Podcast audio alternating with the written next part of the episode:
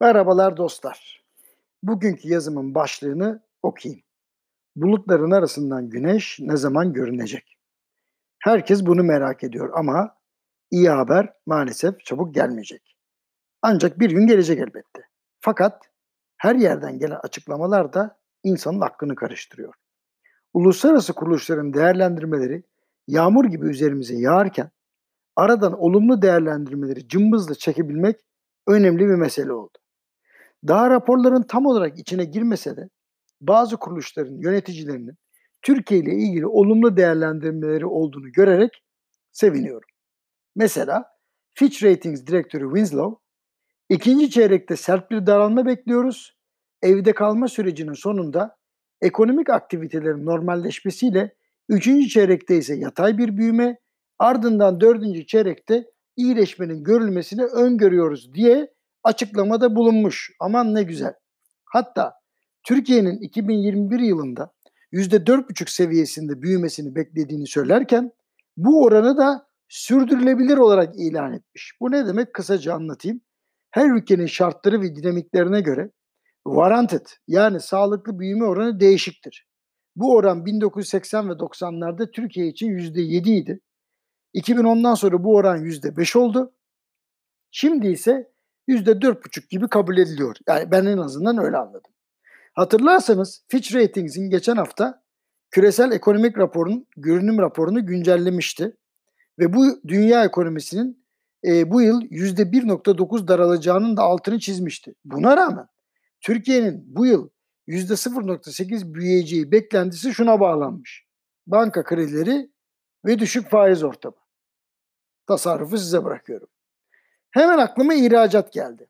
İhracatımızın yarısı Avrupa Birliği ülkelerine yapıldığına göre Euro bölgesi %4.2 daralırken biz ne yapacağız diye düşünmeden edemedim.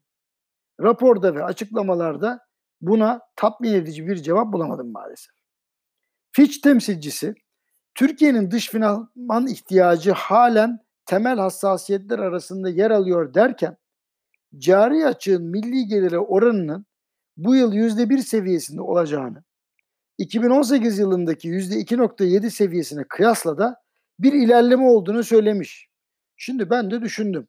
Petrol fiyatları bu kadar düşük, ekonomik faaliyetler de bu kadar durgunken cari açığın gerilemesini iyi bir haber olarak yorumlamak bence tuhaf.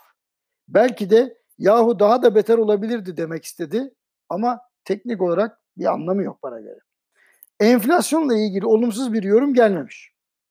2020 yılında enflasyonun %8,5 seviyesinde gerçekleşmesi öngörülüyor. Ayrıca bu beklentiyle beraber Merkez Bankası'nın bu yılın sonuna kadar 100 bas puan daha indirime giderek faizin %8.75'e indirmesini tahmin ediyorlar. Demek ki Merkez Bankası bu ay ve gelecek aylarda adım adım faiz düşürürse bu konuda eleştiri yapmayacaklar. En azından ben öyle anladım. Ancak şunu eklemiş Fitch temsilcisi. Türkiye'de reel faiz oranı zaten düşük. Bu durum Türk lirası üzerinde aşağı yönlü baskıları arttırabilir ve özel sektör dış finansmanda zorlanabilir. Yani tavşana kaç, tazıya tut gibi yorum böyle olur.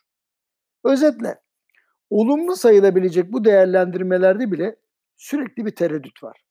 Dolayısıyla dikkate değer olup olmadığı konusunu tasarruflarınıza bırakıyorum. Benim beklentim şimdilik Türkiye ekonomisinin geçen yıl olduğu gibi eksi 0.5 ile artı 0.5 bir büyüme oranı arasında kalması. Yani 2020'yi biz yine bu şekilde tamamlayabiliriz. Ha böyle düşündüm ama ileriki yazılarımda ve paylaşımlarımda da diğer beklentilerimde bazı hassas ayar yapacağımı da şimdiden bilgilerinize sunuyorum.